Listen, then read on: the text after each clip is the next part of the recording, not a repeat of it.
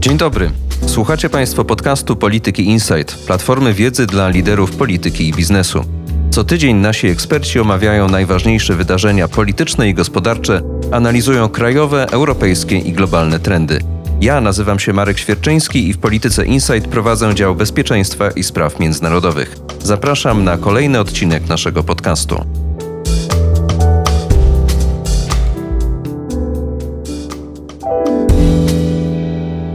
Jest piątek, 9 kwietnia.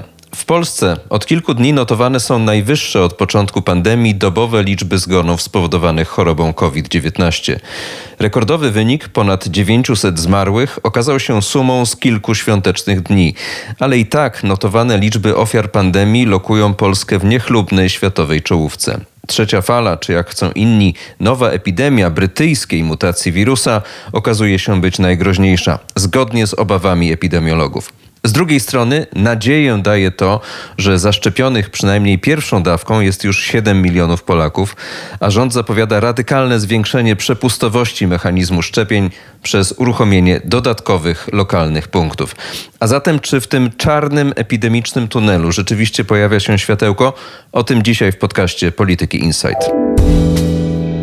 A moim rozmówcą jest Piotr Żakowiecki, zajmujący się u nas sprawami zdrowotnymi, no i przez ostatni rok, nie ukrywajmy, głównie pandemią koronawirusa. Witaj Piotrze. Cześć Marku, witam Państwa. Co nam mówią te straszne liczby? 900 zmarłych, 700 zmarłych. Co one tak naprawdę oznaczają i jak powinniśmy do nich podchodzić, poza tym, że każdego z nas osobiście mogą przerażać? No, podstawową kwestią jest to, że te liczby nie pokazują nam pełnego obrazu sytuacji. O tym już wiemy od bardzo dawna i tutaj mamy do czynienia z kilkoma czynnikami. Jeśli chodzi o liczbę zakażeń, która jest obecnie rekordowa, wiemy oczywiście o tym, że wiele osób, które chorują, które są zakażone, po prostu się nie testuje i to jest problem, który był już wielokrotnie omawiany, wskazywane były przyczyny tego, to, że ludzie po prostu niechętnie idą na kwarantannę, obawiają się no, konsekwencji pewnie czysto ekonomicznych, ale też często może społecznych. Że ktoś ich zamknie w domu, że nie będą mogli chodzić do pracy, że zawali się ich życie prywatne, rodzinne, towarzyskie również czasem. Nawet społeczne były doniesienia na temat tego, że na przykład w mniejszych miejscowościach status osoby zakażonej, będącej na kwarantannie, no wiąże się z jakimś ostracyzmem społecznym, więc tutaj myślę, że tych czynników, które wpływają na to, dlaczego tak naprawdę nie widzimy tej pełnej liczby, jest sporo. Pewnym takim wskaźnikiem, który nam to sugeruje, w sensie jak bardzo niedoszacowana jest ta liczba, jest odsetek testów, które mają wynik pozytywny. I ona jest bardzo wysoka. To jest w okolicach 30% już od y, wielu tygodni, a świadczy to po prostu o tym, że testujemy za mało. Według wytycznych y, takiej przyjętej generalnie, wydaje mi się dość globalnie, perspektywy, jaki powinien być standard skali testowania, ten odsetek powinien wynosić około 5%. Jeżeli jest powyżej 5%, to uznaje się, że sytuacja jest poza kontrolą. No a im wyższy ten odsetek, tym oczywiście większa jest skala tego niedoszacowania, niedowyliczenia. Natomiast oczywiście, no, tak czy inaczej, ta liczba zakażeń no, świadczy o tym, jaka jest obecnie sytuacja pandemiczna. Jest to pewne proksy, że się tak wyrażę, tego, jaka jest faktycznie ta realna skala. No i w sytuacji, w której mamy do czynienia z pewnym rekordem, istotniejszą kwestią jest pewien trend. I my podchodzimy do tego w polityce Insight, no tak samo zresztą jak inne ośrodki analityczne, patrząc między innymi na średnią kroczącą. I ta średnia z siedmiu dni obecnie spada. To znaczy, osiągnęliśmy pewien szczyt właśnie w kwestii tej średniej kroczącej 1 kwietnia, zresztą zgodnie z przewidywaniami ośrodków, które zajmują się prognozowaniem rozwoju pandemii. Prawie idealnie, bo ten szczyt wyniósł prawie 29 tysięcy, te prognozy mówiły o 30 tysiącach właśnie na początku kwietnia. Natomiast obecnie, rozmawiamy 9 kwietnia, ta średnia krocząca wynosi 20 tysięcy, czyli jest niemalże o połowę niższa niż ten szczyt. No i jest to w jakiś sposób optymistyczny sygnał, z tym zastrzeżeniem, że jeszcze do końca nie wiemy, znowu to o czym mówiłem, ta skala testowania była mniejsza w trakcie świąt, w związku z czym cały czas jeszcze nie wiemy, czy na przykład osoby, które czują się w tym momencie chore, prawdopodobnie są zakażone, ale na przykład odkładały ze względu na czas świąteczny, poświąteczny wizytę u lekarza czy przetestowanie się, czekają może jeszcze na wyniki Te dane będziemy widzieli prawdopodobnie na początku przyszłego tygodnia. Tak samo zresztą mówi Ministerstwo Zdrowia. To znaczy, minister Niedzielski wskazał, że na razie mamy pewne takie optymistyczne sygnały, ale nie należy ich wagi przeceniać. W przyszłym tygodniu powinniśmy mieć trochę jaśniejszą wiedzę na temat tego, jak po świętach wygląda sytuacja. Chciałbym, żebyśmy jeszcze na moment wrócili do tych dwóch liczb, które tak ciekawie opisałeś. Bo z tego, co mówisz, ja rozumiem, przekładając to na język potocznej dyskusji, że bardziej prawdziwą liczbą jest liczba zmarłych, ponieważ no, ostatecznie możemy przyjąć, że prawie wszyscy umierający ludzie w Polsce trafiają w ręce służby zdrowia. Stwierdzany jest COVID, odpowiednie statystyki są wypełniane, pojawia się ten pacjent jako osoba zmarła po stronie właśnie ofiar pandemii. Z liczbą zakażonych jest już dużo gorzej, bo jest mnóstwo czynników, których część opisałeś, które wpływają na zaburzenie tego wizerunku, na to, że nie widzimy tak naprawdę prawdziwej liczby zakażonych w Polsce. Tak, natomiast z liczbą zgonów znowu mamy odrębny problem. To znaczy, tak jak wskazałeś, w przypadku pacjentów, u których COVID został stwierdzony część z tych osób umiera i przekłada się to na statystykę, to też nie jest pełen obraz sytuacji. To znaczy, mamy do czynienia też z zjawiskiem zgonów nadliczbowych, to znaczy zgonów, które nie zostały zarejestrowane wprost jako covidowe, ale widać się w statystykach Urzędu Stanu Cywilnego i one nam pokazują zarówno skalę zgonów osób, które na przykład nie trafiły do szpitala, albo osób, u których nie przeprowadzono testu, bo nie przeprowadza się testu już u osób, które zmarły, więc to może być przedmiotem analiz dopiero po paru tygodniach, czasem po paru miesiącach. To znaczy, wiemy o tym, że skala tych zgonów nadliczbowych już w trakcie tej trzeciej fali jest wysoka. Niewykluczone, że nawet o 30-50% wyższa niż to, co widzimy w statystyce. Natomiast tak naprawdę taka pełna analiza jest możliwa dopiero z większym opóźnieniem. No, Ministerstwo Zdrowia przeprowadziło taką analizę pod koniec roku w odniesieniu do jesiennej fali. No i tam wyszło, że faktycznie tych zgonów nadliczbowych było zdecydowanie więcej. Natomiast no, to, co teraz widzimy, to tak samo jak wskazałeś na samym początku, ostatni rekord, 954 zgony, to w około 1 trzeciej były osoby, które zmarły również w okresie świątecznym.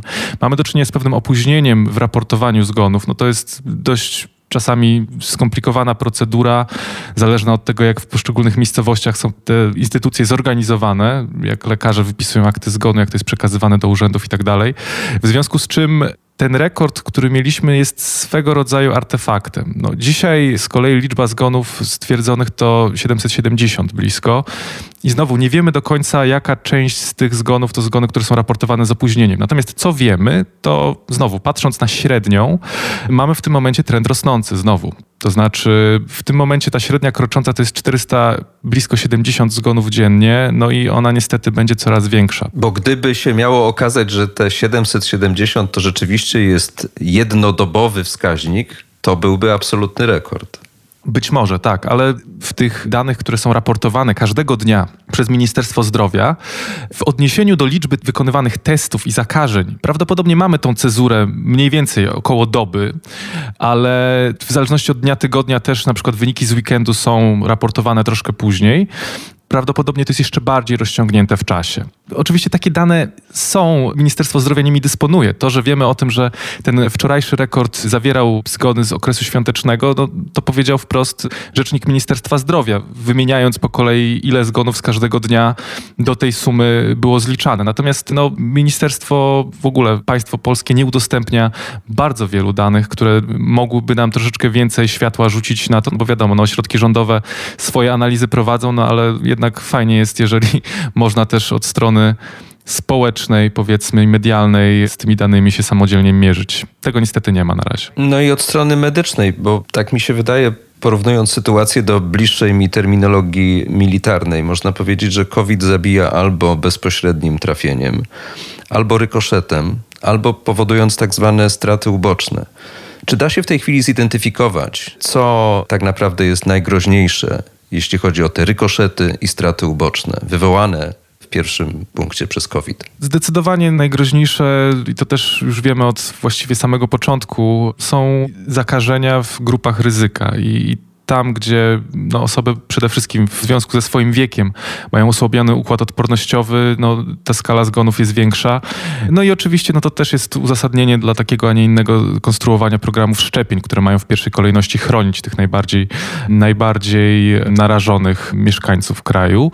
Natomiast jeśli chodzi o konsekwencje troszeczkę dłuższe, no to tutaj wiemy już na pewno o tym, że tak zwany long COVID, długi COVID, czyli powikłania, czy to oddechowe, czy to kardiologiczne, bardzo szerokie, neurologiczne również, są ogromnym problemem. Dane brytyjskie, gdzie ta statystyka jest bardziej przejrzysta i ujawniana, wskazują na to, że nawet jedna na siedem osób, które przechodzi COVID, boryka się w kolejnych tygodniach, w perspektywie 12 tygodni nawet, z jakimś obniżeniem jakości życia, często też ograniczeniem w ogóle jakby możliwości wykonywania pracy, czy w ogóle życia swojego osobistego.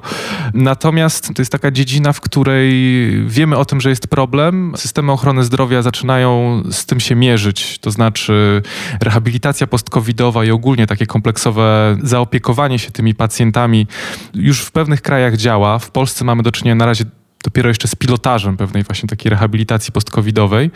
Natomiast no, trudno powiedzieć, jak na dłuższą metę to będzie się przekładało na ewentualnie inne komplikacje zdrowotne. Jeśli już mówimy o pełni tych konsekwencjach, no to to będzie oczywiście pewnym obciążeniem dla systemu ochrony zdrowia w perspektywie kolejnych miesięcy. No a nie jest powiedziane, że ta trzecia fala będzie ostatnią, mimo wszystko, niestety. Trzeba przy tym odnotować te apele pojawiające się w Polsce dosyć intensywnie ostatnio by mimo tego stanu zagrożenia covidowego chodzić do lekarza w sensie fizycznym, spotykać się z lekarzem, nie poprzestawać na poradzie telefonicznej, tak zwanej zdalnej, która zrobiła ogromną karierę, ale której skutki, zdaje się, również będziemy odczuwać w sensie właśnie tych strat ubocznych epidemii COVID. Dokładnie tak. To znaczy, Wydaje mi się, że obecnie całkiem niewiele się mówi na temat zmniejszonej dostępności do świadczeń medycznych, no ale wiadomo, wraz z rozpoczęciem się trzeciej fali NFZ zalecił placówkom wstrzymywanie zabiegów planowych,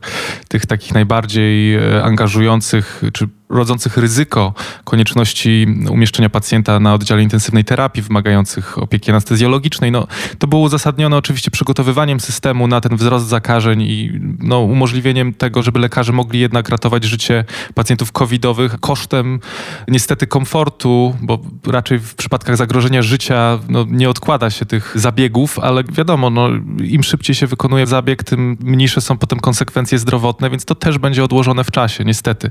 Natomiast Natomiast no, wydaje mi się, że obecnie ta trzecia fala, że tak powiem, naszą wyobraźnią zawładnęła w pełni i, i na razie myślę, że pewnie w najbliższych tygodniach będziemy wiedzieć nieco więcej na temat tego, jaka jest skala, no właśnie, zmniejszenia dostępu do świadczeń medycznych. No, rząd bardzo chciał zadbać o to, żeby jednak w tych najbardziej newralgicznych obszarach, przede wszystkim onkologii, nie było opóźnień, jeśli chodzi o diagnostykę i wykonywanie zabiegów. Natomiast, no znowu, doniesienia z różnych placówek, z różnych części kraju no, wskazywały na to, że niestety, ale w obliczu tego, że na przykład dany szpital został przekształcany, czy część jego oddziałów była przekształcana na oddziały covidowe, no wiązało się to po prostu z tym, że trzeba było przekierowywać personel a co za tym idzie, nie było możliwości wykonywania pewnych świadczeń medycznych. Porozmawiajmy, Piotrze, wobec tego o jaśniejszej stronie tej ciemnej doliny, przez którą wszyscy przechodzimy i miejmy nadzieję, że właśnie w tę jasną stronę zmierzamy, czyli o programie szczepień. On też przechodził swoje ciężkie chwile,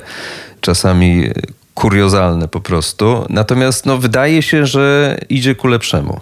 Wszyscy mamy na to nadzieję i o ile no ja obserwując to w zasadzie codziennie już od wielu miesięcy przyznam, że program szczepień to jest jednak taki obszar, w którym zwrotów akcji jest bardzo dużo. No i też bardzo dużo niepewności, bo faktycznie to w jakim tempie szczepimy, jaka jest dostępność tych szczepień zależy od wielu czynników, a wiele z nich jest po prostu niezależnych nawet od sprawności instytucji państwa, tego jak ten system jest zorganizowany. No, problemem globalnym globalnym, o którym też wielokrotnie już mówiliśmy, jest produkcja szczepionek i ich dystrybucja. To, że jesteśmy na łasce i niełasce nieco, powiedzmy, producentów. Natomiast generalnie mamy w tym momencie bardzo twarde zapowiedzi rządu dotyczące celów programu na najbliższe miesiące. Do końca czerwca ma zostać wykonanych 20 milionów zaszczepień, co będzie się przekładało na mniej więcej 10 do 15 milionów osób. Ta różnica wynika z tego, że w przyszłym tygodniu już zaczniemy szczepić szczepionką firmy Johnson Johnson, która jest jednodawkowa w przeciwieństwie do wszystkich innych produktów, więc już ta proporcja 1 do 2 nie będzie zachowana. Ponadto dość ambitnym celem, ale który w gruncie rzeczy nie odbiega od tego, co jest powiedzmy takim standardem europejskim, jest zapowiedź, że do końca sierpnia wszyscy chętni będą mogli wykonać szczepienie dość swobodnie. I tutaj już mieliśmy w tym tygodniu trochę więcej konkretów dotyczących tego, jak rząd zamierza ten system w dalszym ciągu no, organizować, czy jakie zmiany są na horyzoncie. Omalże na każdym rogu ma być dostępny punkt szczepień. Tak, to zwiększenie skali jest bardzo obiecujące, chociaż nie omieszkam być nieco zgryźliwy, bo kiedy program szczepień ruszał w grudniu, kiedy były pierwsze zapowiedzi tego, jak będzie wyglądała ta siatka punktów, które mają szczepić obywateli, no to system miał się przede wszystkim opierać na gabinetach lekarskich, małych placówkach POZ-owskich, no ale też w różnych przychodniach, szpitalach. Natomiast no, chodziło o tą powszechność, masowość. Przedstawiciele rządu wskazywali na 6500 punktów, punkt w każdej gminie. Chwalono się tym, jakie jest pokrycie właśnie tymi punktami całego obszaru Polski. No ale teraz okazuje się, że jednak ta skala, która miała być wystarczająca, no jest jednak za mała. No i będziemy mieli teraz do czynienia ze stworzeniem takich punktów szczepień masowych, które, i tu znowu można było to zaplanować wcześniej. To znaczy, w wielu krajach systemy szczepień zakładały od samego początku, że takie szczepienia masowe będą się odbywały. W Niemczech, choćby, żeby daleko nie szukać, od tego właśnie się zaczynały programy szczepień. Natomiast no, u nas to jest tak naprawdę kwestia ostatnich paru tygodni, kiedy te wątki zaczęły się konkretyzować. Chodzi między innymi o tworzenie punktów szczepień organizowanych przez samorządy. I tutaj ostatnie dni przyniosły bardzo dużo napięcia między rządem a samorządami, bo okazało się, że pomimo zapowiedzi jakiegoś takiego oczekiwania ze strony rządu, żeby samorządy takie punkty organizowały. Była zapowiedź między innymi w Warszawie, że 13 nowych punktów ma powstać, które pozwoliłyby na szczepienie 200 tysięcy osób tygodniowo. No, wczoraj się dowiedzieliśmy na konferencji prasowej, że jednak szczepienia w tych punktach szczepień masowych, ale też w punktach drive-thru, szczepień przez samodzielnie wykonujące zawód pielęgniarki, ratowników, będą na początku na zasadzie pilotażu. Co to znaczy? Trudno powiedzieć. Czego rząd się obawia, Piotrze, jeśli chodzi właśnie o upowszechnienie, takie no maksymalne dostępności do tych szczepionek? Bo przecież to nie jest skomplikowana procedura medyczna, prawda? To nie jest zastrzyk, w którym musisz wkłuć się w jakieś naczynie krwionośne. Jest to po prostu zastrzyk domięśniowy, z obrazków, które publikowane są w telewizji, wynika, że naprawdę prosty do wykonania, nie wymagający żadnej głębszej wiedzy medycznej, pewnie możliwy do przeszkolenia, jeśli chodzi o umiejętność w ciągu kwadransa. No, powiem szczerze, że ja bym miał obawy przed próbą wkłucia się w czyjeś ramię, nawet jeśli byłaby taka konieczność. Chociaż, no tak, no generalnie nie jest to bardzo skomplikowane. Natomiast problem leży gdzie indziej. Wykonanie samej procedury jest łatwe, natomiast odpowiedzialność, która się z tym wiąże, wiąże, no bo jest to mimo wszystko zabieg medyczny, który wiąże się z ingerencją w ciało, który może mieć wpływ negatywny w niektórych przypadkach na stan zdrowia pacjenta, wiąże się oczywiście z różnymi regulacjami, obostrzeniami, jak każdy zabieg medyczny i ta odpowiedzialność po prostu musi być formalnie za pomocą przepisów prawa uregulowana. Także pojawiła się dzisiaj informacja na temat rozszerzenia właśnie tego grona zawodów medycznych, które mogą wykonywać kwalifikacje do szczepień i szczepić. Pojawili się wśród nich m.in. farmaceuci, e, ale też fizjoterapeuci, ratownicy medyczni właśnie, więc to jest krok w kierunku właśnie zwiększenia powiedzmy kolokwialnie rąk ich liczby, które mogą te szczepienia wykonywać. No a odrębną kwestią jest właśnie ta dostępność, gdzie te szczepienia mają być wykonywane. No i tutaj zapytałeś, czego obawia się rząd. No myślę, że przede wszystkim rząd obawia się jakiegokolwiek blamażu i jakichś kolejnych awarii, usterek, jak zwał, tak zwał. Odnoszę się tutaj do tego otwarcia szczepień dla osób nawet z roczników 81. No, wydaje się, że mógł się uodpornić już na blamarze wszelkiego typu. Wydaje mi się, że jednak ta sprawa jest na tyle delikatna, że tutaj rząd chce jednak zachować kontrolę nad tym programem. Są możliwości, żeby się zaszczepić poza systemem, tak? To jest troszkę tajemnica Poliszynela, ale dostęp do dawek szczepionek no zwłaszcza jeżeli ktoś ma znajomości wśród pracowników medycznych, nie jest trudny i też nie wiąże się tak naprawdę, przynajmniej z doniesień, które ja słyszę, z jakąś kwestią korupcyjną czy wyciąganiem tych dawek. No jest przede wszystkim kwestia tego, żeby dawki się nie marnowały, czy co robić w sytuacji, w której ktoś na przykład nie zgłasza się na szczepienie. I to też zostało wskazane przez rząd jako powód, dla którego zwiększenie skali szczepień i zwiększenie dostępności do szczepień dla kolejnych grup jest ważne. Na początku kwietnia minister Dworczyk mówił, że do końca maja będzie nawet 2,5 miliona wolnych terminów. I to miało być uzasadnieniem właśnie dla tego ruchu otwarcia rejestracji dla osób 40 do tam prawie 60-letnich.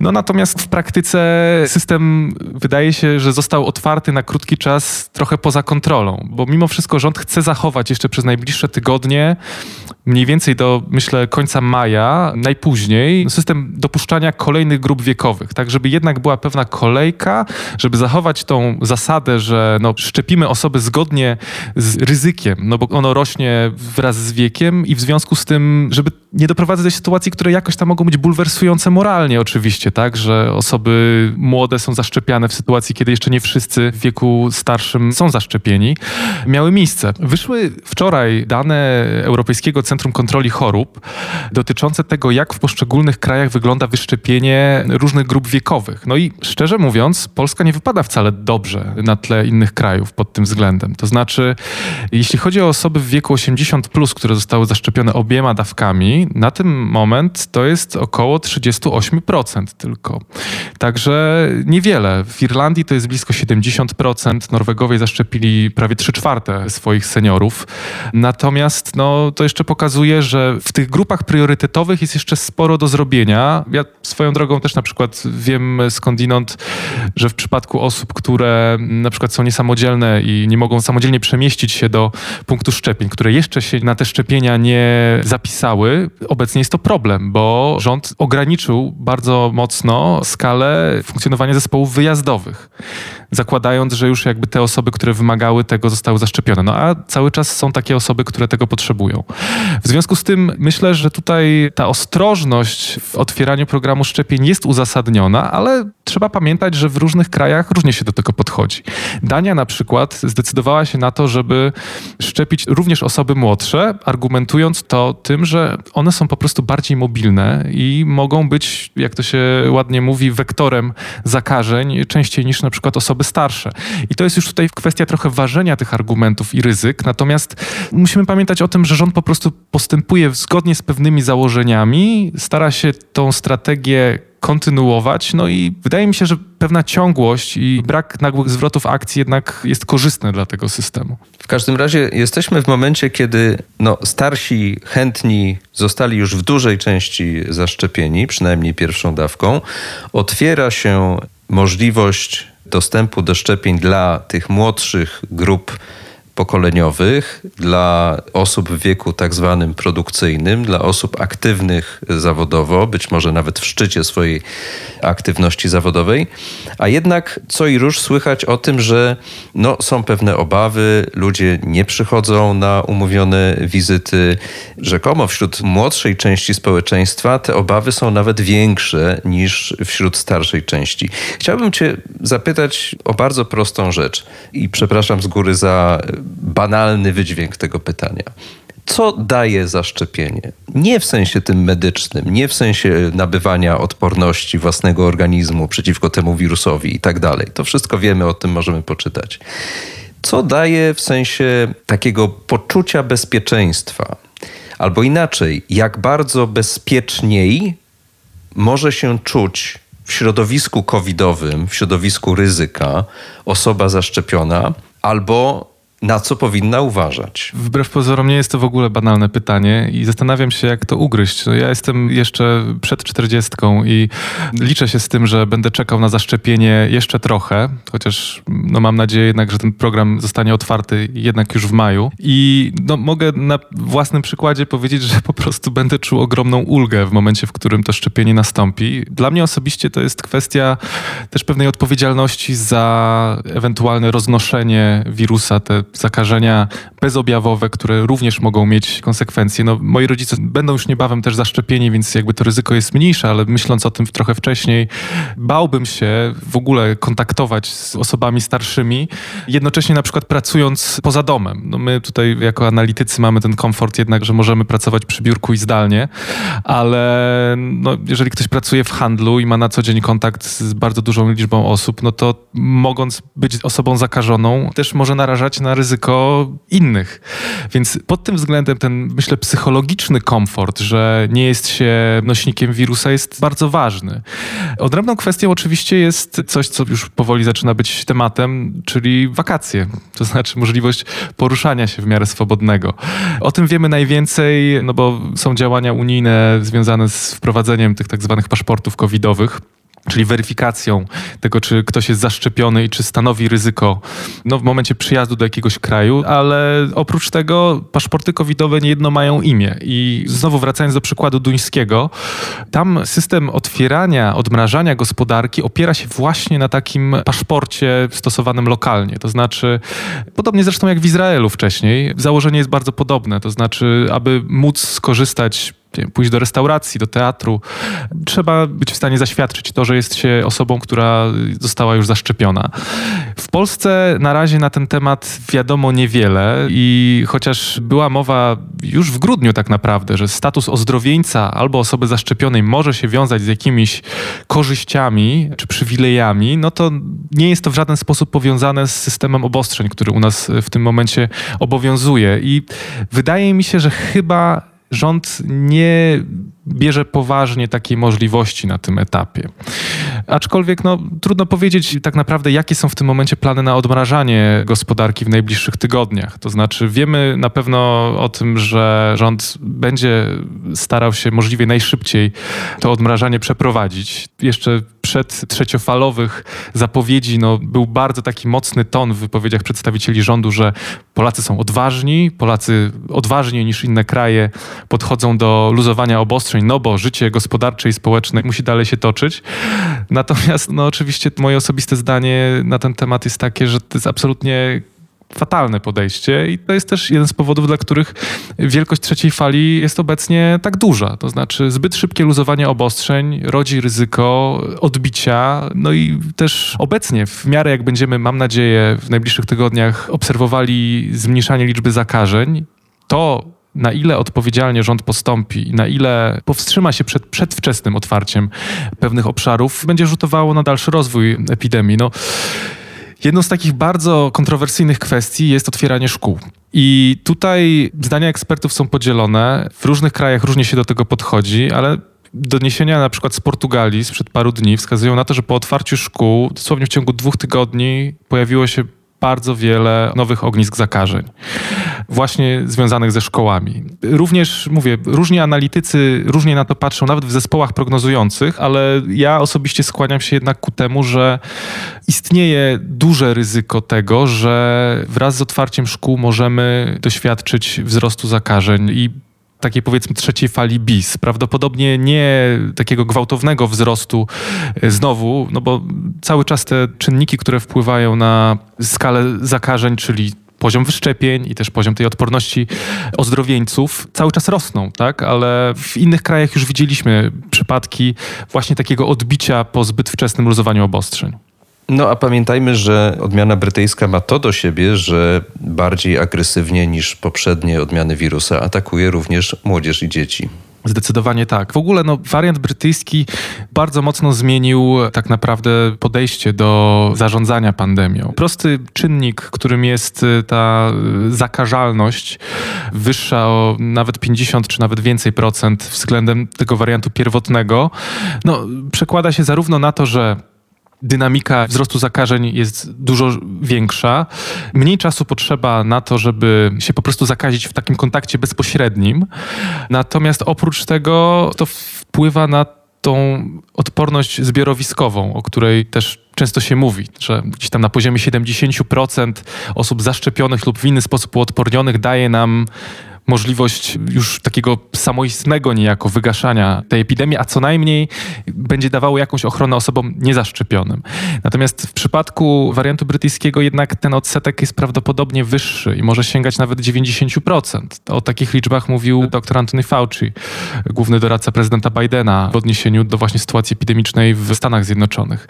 W związku z tym na ten moment wariant brytyjski wydaje mi się, że jest jakoś tam oswojony w tym sensie, że wiemy, jak z nim postępować już teraz. No niestety konsekwencje trzeciej fali będą się za nami jeszcze ciągnęły i, no niestety no, cały czas jesteśmy jakby w jej trakcie. Nie zapominajmy o tym, że przeciążenie szpitali być może nie nastąpi w jakimś takim katastrofalnym scenariuszu. Nie będzie tak jednak, że ludzie, kolokwialnie mówiąc, będą umierać na ulicach. Natomiast to jest ogromne obciążenie i to, co się w tym momencie dzieje w województwie śląskim choćby, to jak już został zorganizowany tak naprawdę wydaje się na stałe, przynajmniej najbliższy dłuższy czas system przenoszenia pacjentów do województw ościennych, no świadczy o tym, że to jest bardzo duże wyzwanie nadal.